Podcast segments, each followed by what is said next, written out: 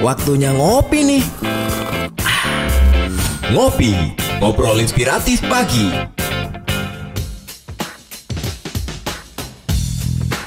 103,8 Prima Radio Surabaya Musik Enak Seharian. Halo apa kabar sahabat Prima? Berjumpa lagi bersama saya untuk hari ini Bersama Ira Nathanael di Ngopi Ngobrol Inspiratif Pagi. Dan seperti biasa ya Kalau ngopi ini tidak hanya didengar oleh sahabat Prima yang ada di Surabaya Tapi apa kabar nih yang sudah merilai kami Yang ada di Sumatera dan juga di Sulawesi? Saya mau sapa dulu Yang ada di Tri FM Kota Pinang Labuan Batu Selatan Sumatera Utara Sahabat Tri. Kemudian ada rekan Rau FM yang ada di Rau FM Padang Sidempuan Sumatera Utara. Apa kabar juga yang ada di Makassar? Sekarang ini udah jam 10 ya kalau di sana ya. Pendengar Si Radio yang ada di Si Radio Maros Sulawesi Selatan.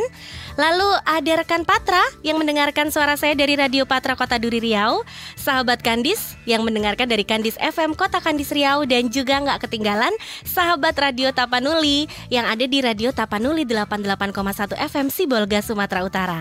Dan hari ini wah ini keren banget pagi hari ini uh, tema kita di ngopi adalah eksistensi jamu dari kolonial ke milenial. Saya mau perkenalkan dulu narasumber kita hari ini ada Bapak Peri. Selamat pagi Pak Peri. Iya pagi. Pagi. Ini saya mau uh, perkenalkan nama panjangnya takut agak salah nih sebutnya. Iya. Bapak Peri Angli Hartono, betul? Angglis Hartono. Oh, Angglis Hartono. Yeah. Pak Peri ini selaku pelaku bisnis jamu.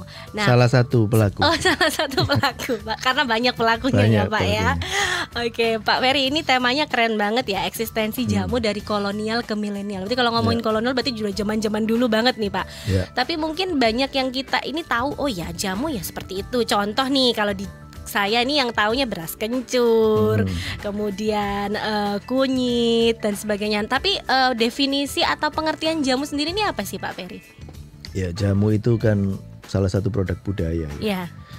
Dan itu sudah ada sejak zaman Mojopahit ya, bahkan sudah ada sejak tahun 1300 Masehi.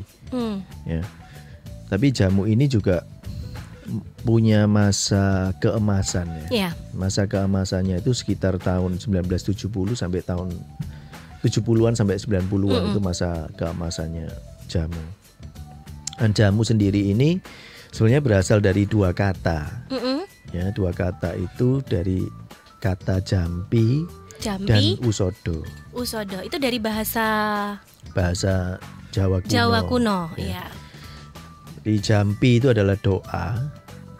Kalau usodo itu artinya uh, kesehatan. Mm. Jadi jamu itu artinya kesehatan atau obat yang disertai dengan doa. Doa.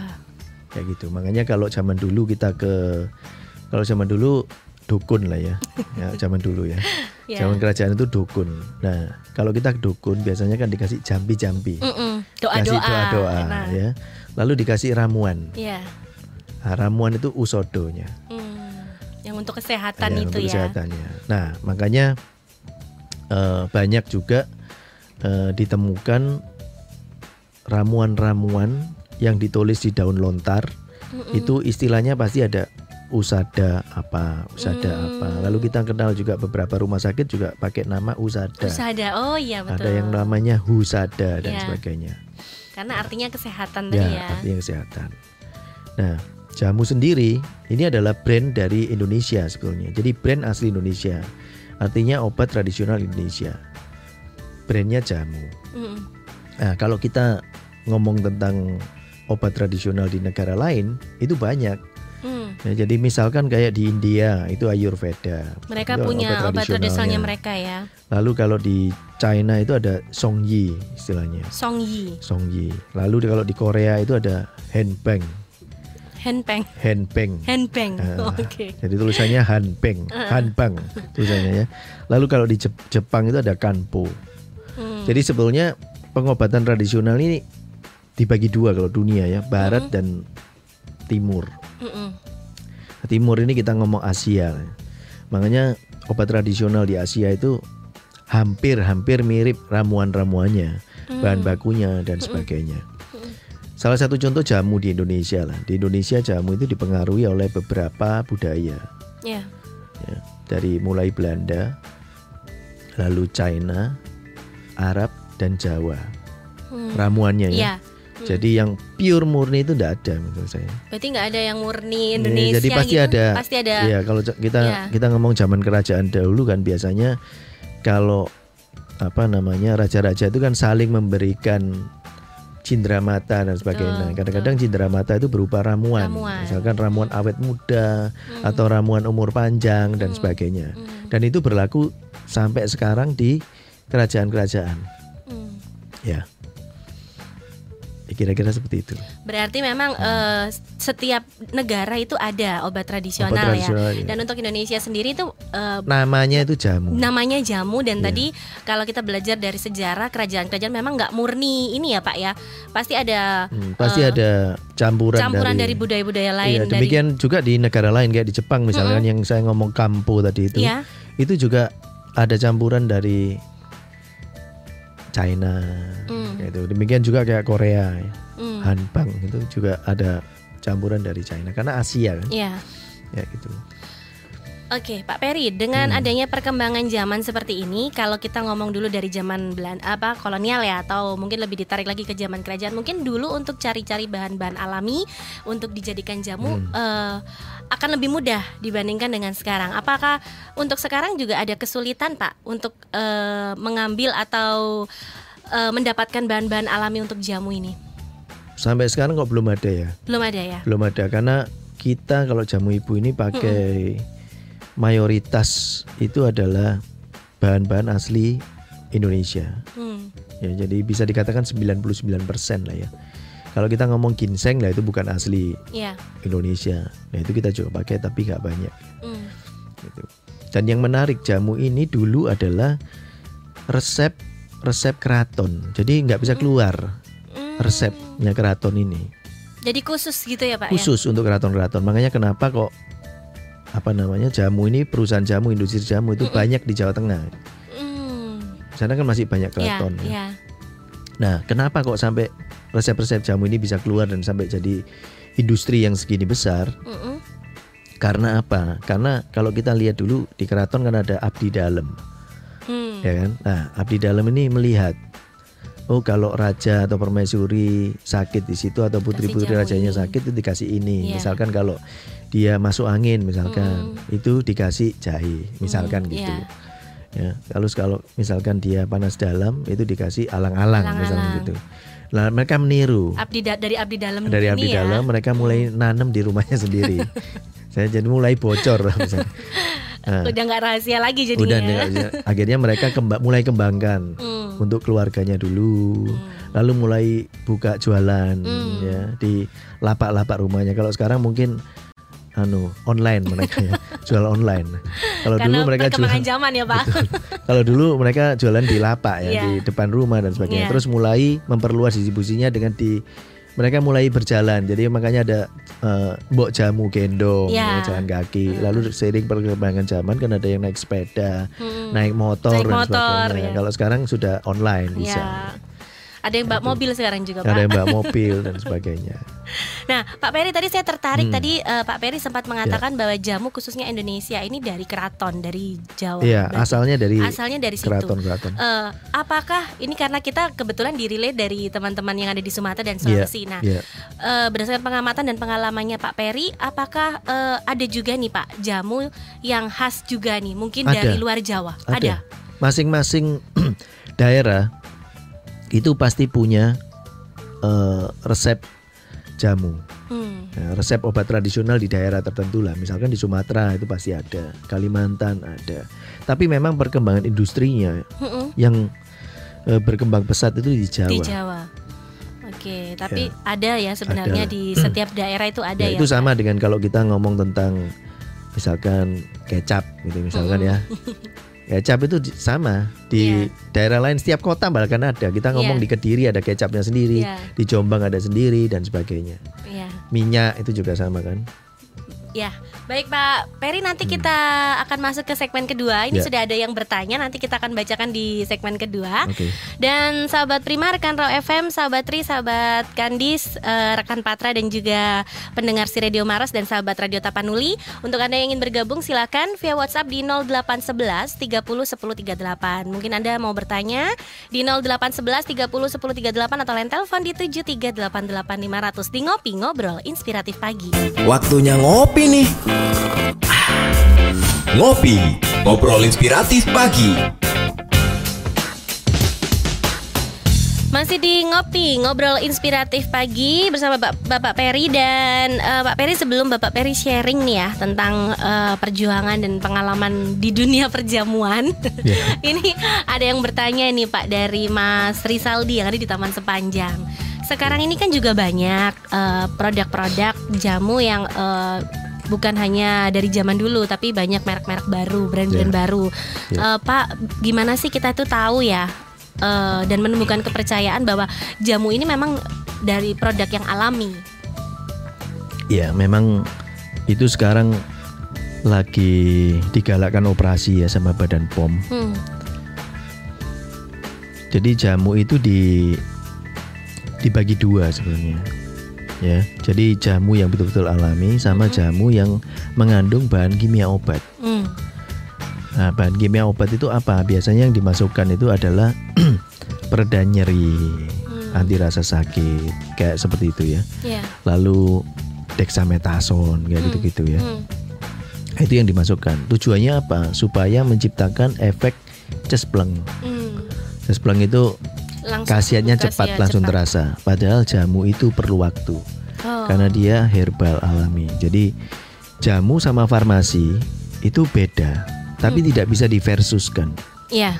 Hmm. Jadi masing-masing punya peran Punya sendiri peran, lah. ya. Kalau jamu lebih ke menjaga, Mm-mm. ya. Kalau apa namanya preventif ya jamunya menjaga. Kalau yang farmasi itu lebih ke mengobati atau eh, kuratif, Ya.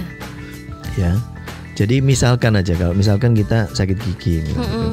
Atau sakit kepala ya, sakit Mm-mm. kepala cekot-cekot gitu, Mm-mm. lalu kita minum jamu, Jamu. efeknya nggak mungkin bisa Nggak akan langsung sembuh ya Pak ya? Iya. Hmm. Nah, kita minum harus farmasi Hmm. supaya cepat Hmm. efeknya kan gitu. Ya. Tapi kalau kita sehari-hari untuk menjaga kesehatan badan, ya, jamu, imunitas dan sebagainya, apalagi sekarang ini isu corona ini luar biasa ya. Nah itu dianjurkan untuk minum jamu, Jamu, kan, iya. kunir, jahe, sama temulawak tiga itu kan, dan ditemukan oleh eh, salah satu profesor dari UNER kalau nggak salah ya, yang beredar di grup-grup WA ini. Mm-mm. Nah, jadi jamu-jamu yang BKU ini itu yang berbahaya. Karena apa? Bahan farmasi dan sebagainya itu itu bisa mengendap di ginjal karena dia tanpa dosis dan sebagainya. Ya. Farmasi bagus kalau dia sesuai digunakan Dengan sesuai dengan dosisnya. dosisnya. Ya. Bahkan untuk eh, yang tertentu harus ada resep dokter dan Betul. sebagainya ya. Betul.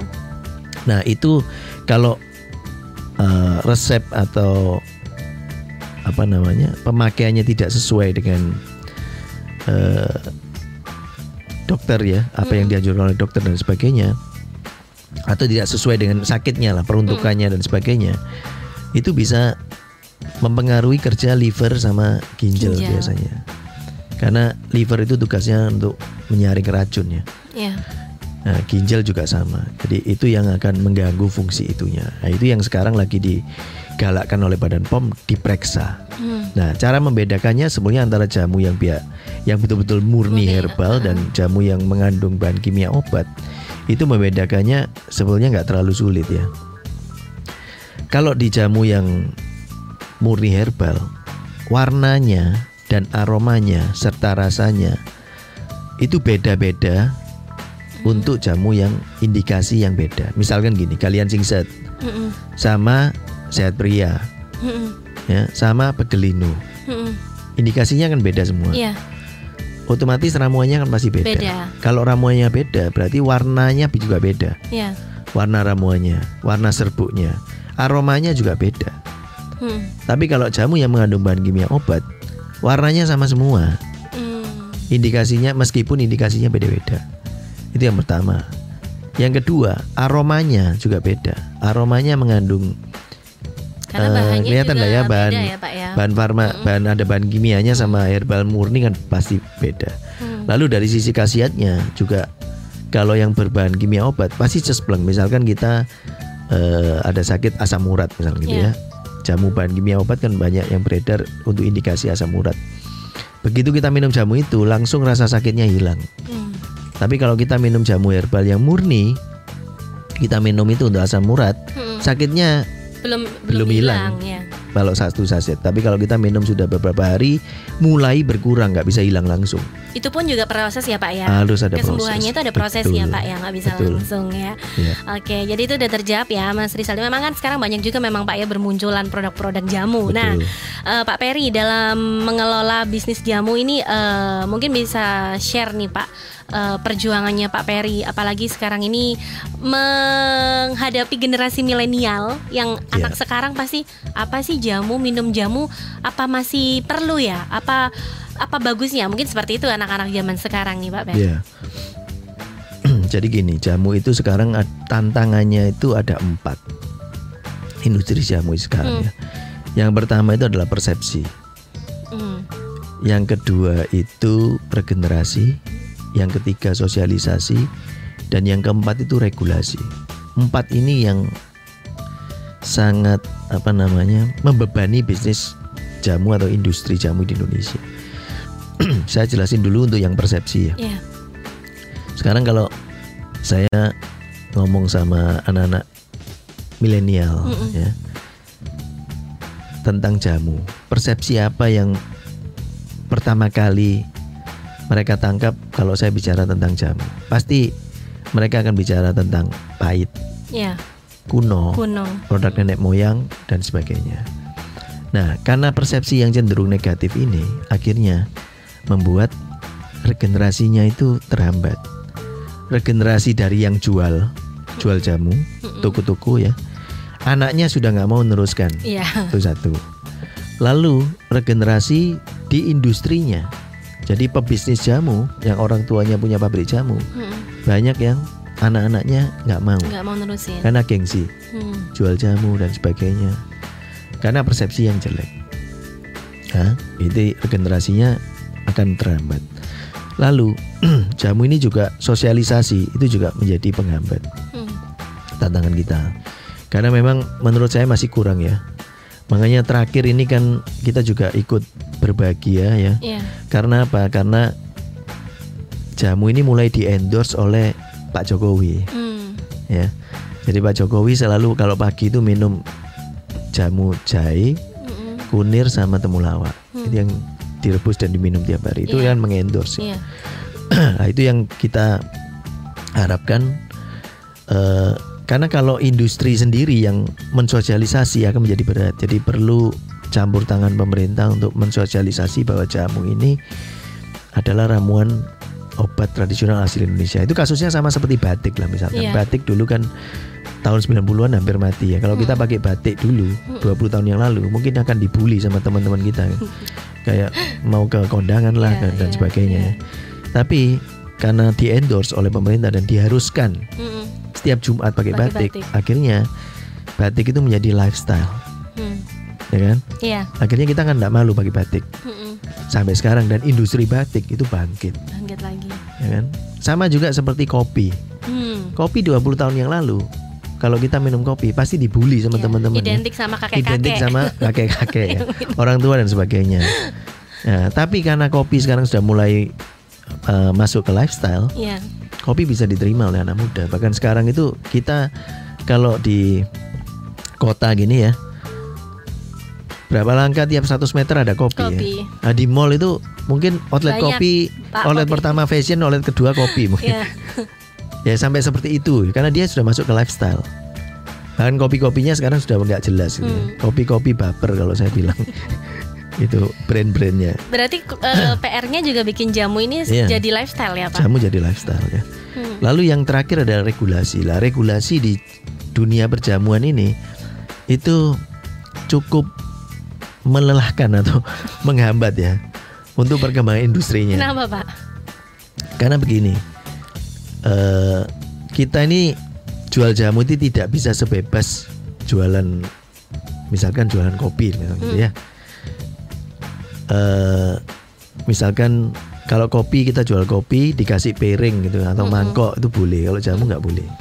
Hmm. Lalu kita nggak boleh sembarangan ya, mengkomunikasikan jamu. Jadi ada Bisa, standar. ya ada standar ya? dari Badan POM dan itu Oh. menurut saya bagus, Hmm. bagus. Tapi mungkin perlu dilakukan secara bertahap Hmm. supaya industri yang kecil ini nggak mati. Iya. Karena di Indonesia ini kan industri jamu ini ada banyak ya. Jadi total itu dulu ada kira-kira 1200-an sekarang kira-kira tinggal antara 800 sampai Tapi masih 900. cukup banyak ya, Pak? Masih cukup banyak. Iya. Tapi yang besar hanya sedikit ya. Iya. Jadi yang industri obat tradisional itu disingkat IOT biasanya. Industri obat tradisional itu 131 kira-kira. Hmm. Tapi dari 131 itu yang besar paling ya 20-an ya. Hmm. Lalu kalau yang kecil, menengah atau UMKM itu totalnya ada 672. Hmm. Banyak juga. Ya. Banyak juga ya. Nah, industri ini kalau misalkan sangat-sangat diperketat dan diberlakukan sama antara perusahaan yang besar dan yang kecil, nah yang kecil ini pasti nggak bisa Hmm. Nggak bisa ngikutin, nggak bisa ngikutin. Karena harus kalau mau menjadi besar itu harus ada syarat-syarat tertentu. Dia harus CPOTB cara pembuatan obat tradisional yang baik dan benar. Dan itu ada ada ada syaratnya harus ada mesin A mesin B dan Hmm. syarat pembuatan pabriknya sudah standarnya farmasi. Hmm. nah mengkomunikasikan jamu bahwa jamu ini bisa menyembuhkan segala penyakit itu nggak bisa nggak boleh Hmm. brand jamu yang semula brandnya itu seperti indikasi misalnya pegelinu Hmm. itu kan indikasinya Iya. dibuat menjadi brandnya itu sekarang nggak boleh Oh. jadi harus ada brand atau ada merek brand. Jadi nggak misalkan boleh pegelinu jamu pegelinu nggak boleh ya Pak Iya. ya. Oke, Misal- oke. misalkan jamu pegelinu kalau punya kita kasih brand bulinu misalnya gitu Oh, jadi harus ada nama, ada Iya, brandnya. jamu asam urat, uratan misalnya gitu. Jadi nggak boleh, nggak boleh boleh asam urat, indikasinya boleh. yang dipakai ya. iya. Dan itu memang ya butuh proses yang panjang dan memang menurut saya apa namanya ribet. Hmm. Nah itu yang mungkin yang perlu apa namanya dievaluasi lagi lah Iya. antara mungkin yang besar sama yang kecil ya. Karena kalau enggak bisnis ini ini bisnis budaya ini bisa habis menurut saya. Iya. Dan PR-nya Gitu. tadi menjadikan Tapi memang peraturan itu bagus menurut saya karena itu ini kan untuk kesehatan ya. Iya, jadi peraturannya nggak harus jelas. sembarangan juga ya Pak ya. Ya, jadi upayanya pemerintah sekarang itu ah, regulasi untuk jamu ini ah, dis- ah, mau disamakan seperti farmasi lah. Hmm. Mirip-mirip seperti itu. Baik, Pak Peri nanti kita tahan dulu Ya, oke. eh, karena kita mau break dulu dan buat sahabat Prima dan yang lain kalau mau bergabung silahkan karena nanti Ira akan balik setelah beberapa saat lagi. Tetap di ngopi ngobrol inspiratif pagi.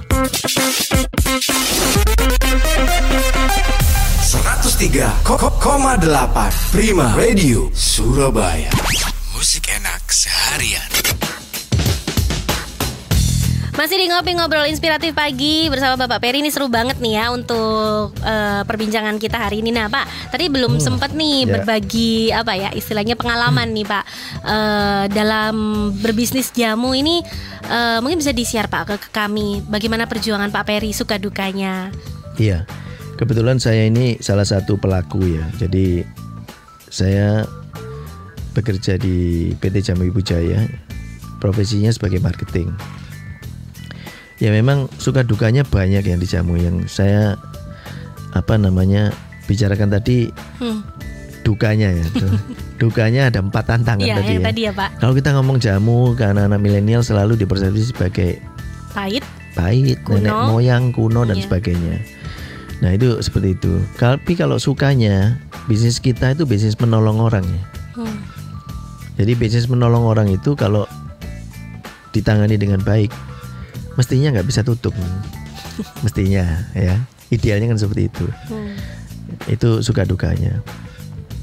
Dan di jamu ini saya sudah eh, kira-kira udah 20 tahun lah ya sejak salesman sampai sekarang posisi di marketing. Nah, tipsnya apa? Jadi tipsnya itu bisnis itu bisa atau satu produk itu bisa tetap ada kalau dia relevan di zamannya. Kalau dia sudah nggak relevan di zamannya, dia akan terdistract dan bisa hilang Ya. bisnis Tergilas atau produk ya. itu. Hmm. Ya. Nah, jamu sendiri kalau dia nggak relevan di zamannya dan masih dipersepsi sebagai sesuatu yang kuno, pahit dan sebagainya, maka dia akan tergilas oleh zaman atau terdistrap dan akhirnya ditinggalkan oleh generasi berikutnya. Jadi gimana caranya bisnis kita atau produk kita bisa tetap relevan di berbagai zaman. Apa aja tuh yang Pak Peri lakukan biar tetap relevan di berbagai zaman tuh? Ya poinnya kita harus tetap masuk apa namanya masukkan ke produk kita ini sebagai produk yang lifestyle supaya tetap relevan. Saya ambil contoh dengan kopi tadi. Hmm. Dulu 20 tahun yang lalu dianggap kuno, ya nggak oke dan sebagainya. Tapi sekarang bisa jadi keren dan sebagainya karena dia masuk ke lifestyle. Iya. Batik juga sama. Nah, jamu sekarang upaya kita adalah membuat produk kita tetap relevan di zamannya. Makanya kita berupaya untuk masuk ke lifestyle. Kita bikin booth-booth ya Hmm. di mall dan sebagainya. Jadi kalau kita mau merubah satu produk, meregenerasi satu produk, kita harus meregenerasi juga cara menjualnya, Hmm. tempat menjualnya, lalu produknya juga harus dirubah. Bukan berarti produk yang lama nggak ada ya. Hmm. Karena di, kalau di jamu ibu ini kita bagi ada tiga produk utama kategori produk. Yang Iya. pertama jamu tradisional yang bentuknya masih serbuk, Mm. rasanya pahit dan Mm-mm. sebagainya, outletnya masih tradisional. Nah itu kita mulai berubah atau menambah kategori baru Mm-mm. supaya produk kita bisa diterima, di Diterima. outlet yang lebih modern, misalkan apotek, toko obat dan Mm-mm. sebagainya. Nah kita bentuk jamu modern yang bentuknya kapsul ekstrak Hmm. desain sekarang itu kita kita rubah juga supaya lebih modern dan bisa diterima di apotek toko obat. Salah satu brandnya yang terkenal adalah Kurmino, Hmm. kapsul ekstrak temulawak. Itu yang sudah ada di apotek toko obat dan sebagainya. Nah, lalu kita mulai berpikir bahwa produk kita ini kalau cuman ada di toko jamu dan toko obat dan dipersepsi sebagai hanya produk untuk pengobatan, Pengobatan. dan sebagainya, itu nggak akan gede gitu ya. Padahal harusnya bisa minum jamu setiap hari kan Pak? Betul. Ya, buat lifestyle kan? Betul. Kalau kita harus Hmm. masuk lifestyle, jadi kita harus ada di outlet lifestyle. Salah satu outlet lifestyle itu apa? Supermarket, minimarket dan sebagainya. Akhirnya kita bikin kategori baru, Ibu Natural Drinks. Mm-mm. Itu jamu yang enak. Jadi yang Hmm. manis, yang Hmm. nggak pahit ya. Yang bisa diminum kapan pun Betul. ya Pak Jadi ya? kayak teh lah. Ya, Teh kita bisa minum kapan pun. ya. Khasiatnya memang lebih ringan, ya kadar zat aktifnya lebih ringan, tapi bisa diminum tiap hari. Hmm. Nah itu kita akhirnya bisa ada di toko eh, apa namanya supermarket, minimarket ya bahkan kita sudah mulai masuk ke bisnis to bisnis kita masuk ke hotel, kafe dan Hmm. sebagainya. Lalu cara menjualnya juga kita nggak bisa dengan cara offline aja Ya. karena sekarang itu kalau kita kenal istilah yang omni channel atau O2O ya Hmm. offline to online. Hmm. Jadi harus bisa online harus bisa offline. On- ya, offline. Kadang-kadang orang bro- browsing di online lihat tapi belinya di offline. Kadang-kadang orang lihat di offline Belinya di online. Iya, setelah lihat-lihat, oh lihat indikasinya apa Iya. segala, belinya cari yang murah Iya. di online dan Iya. sebagainya. Makanya kenapa kita juga ada di online. Jadi kita bekerja sama dengan beberapa mar- marketplace ya. Jadi kita ada juga di Tokopedia, Lazada, Bukalapak Mm, dan sebagainya itu ada semua. Lalu outlet-outlet kita itu juga pakai eh, apa namanya fintech juga. Jadi kita Mm. juga kerjasama dengan OVO, Ya. lalu dengan Grab ya. Mm-mm. Gojek, GoPay dan sebagainya itu ada semua. Mm. Jadi meskipun outletnya kecil, outlet jual jamu, tapi ada mesin edisi, ada mesinnya OVO, ada mesinnya ini, ada semua. Iya, iya. Jadi ya, memang harus tetap relevan lah Iya. jamu itu. Tapi untuk menjadi relevan ya produknya harus dirubah, tempat menjualnya harus dirubah, cara berkomunikasinya juga di- dirubah. Tidak bisa hanya sekedar tempel-tempel stiker kayak zaman Termasuk dulu tadi gitu. Pak Peri bilang cara pembayarannya pun juga akhirnya Cara ngikutin milenial ya. Pak. Betul. Kayak gitu. Pak ini ada pertanyaan ini Pak dari Ibu Alfi yang ada di oh Taman Sepanjang juga. Eh, Pak kira-kira untuk jamu ini bakalan akan terus survive nggak sih Pak? Seperti ada pepatah mengatakan kan nggak ada yang abadi. nggak ada yang abadi kalau dia tetap Hmm. nggak relevan. Kalau dia nggak mau berubah, nggak akan abadi. Oh karena Bu Alfi ini di rumahnya juga jual jamu Pak. Iya. Tapi jamu yang tradisional yang aduk Nah, gitu. berarti harus jual jamu ibu yang ibu natural drinks yang manis bu. Hmm. Itu bisa kita ada program kemitraan. Hmm. Apalagi ibu di Taman Sepanjang deket loh sama jamu ibu. Pabriknya kan di Trosobo. Buka kemitraan juga ya iya, Pak. ya? dan harus mulai jualan online. Hmm. Jadi reseller di jamu ibu itu banyak kalau di Tokopedia teman Iya, apa. iya. Resellernya banyak meskipun kita ada official juga di Iya, situ. gitu. iya. Jadi memang harus berubah. Kalau kita nggak berubah ya Pak Tadi pasti ya, Pak, akhirnya ya. mati. Nggak ada yang abadi kalau kita nggak berubah tadi ya Pak ya. Betul. harus mau berubah supaya kita tetap relevan di zamannya. Hmm. Itu. Baik Pak Peri, ini waktu kita tinggal dua menit nih Pak. Mungkin eh, terakhir nih eh, selain kasih apa ajakan atau mungkin sekedar apa ya seperti motivasi bahwa jamu ini masih eh, bisa eh, survive dan juga eh, untuk supaya sahabat prima dan pendengar kita nih mulai mengubah bahwa tadi jamu itu bukan menunggu sakit, bukan untuk hanya eh, mengobati, tapi ini jadikan ini sebagai lifestyle. Silakan Pak Ferry. Iya. Jadi eh, mungkin kalau pesan saya lebih baik menjaga daripada mengobati. Dan menjaga itu salah satunya itu dengan jamu. Selain kita juga ber- berolahraga, ya lalu eh, apa namanya berperilaku hidup yang sehat dan sebagainya. Jamu bisa menjadi salah satu untuk meningkatkan daya tahan tubuh kita. Tapi minumnya memang harus teratur, nggak bisa minumnya sekarang lalu mengharapkan khasiatnya sekarang ya. Hmm. Dan untuk yang sudah mulai berbisnis, berbisnis jamu, entah itu toko atau industri kecil dan sebagainya, nah kita harus berpikir bahwa kalau produk kita ini mau tetap bisa relevan di zamannya atau diterima di pasar sesuai dengan zamannya, kita harus mau berubah. Nah, berubah itu nggak bisa hanya produknya, tapi cara berkomunikasi, lalu outletnya, cara menjualnya itu harus berubah. Salah satunya dengan online. Jadi tetap ada tokonya offline, toko, tapi tetap juga harus ada online. Ya minimal memanfaatkan Gojek lah. Hmm. Ya. Sekarang kan kalau ngirim kan gampang gitu. Iya. Ya nggak perlu ngirim sendiri kan. Jadi yang ngirim orang lain gitu. Berarti masih tetap harus bisa eksis Iya. ngikutin zaman ya Pak Betul. Ferry ya. Iya, jadi menjual itu lebih gampang sekarang. Lebih kayak dulu ya. Hmm. Dulu lebih susah. Baik, Pak Ferry terima kasih banyak untuk Iya, waktunya sama-sama. hari Terima ini. kasih. Sukses buat usahanya Pak. Amin. Selamat pagi. Pagi. Baik sahabat Prima, rekan Raw FM, sahabat Tri pendengar si radio, rekan Patra, sahabat Kandis dan juga sahabat Radio Tapanuli. Demikian untuk ngopi edisi hari ini, ngobrol inspiratif pagi. Anda bisa simak setiap hari Senin sampai hari Jumat dari jam 9 pagi sampai jam 10 pagi waktu Indonesia bagian barat. Ira Nathanael pamit, tetap di 103,8 Prima Radio Surabaya, musik enak seharian.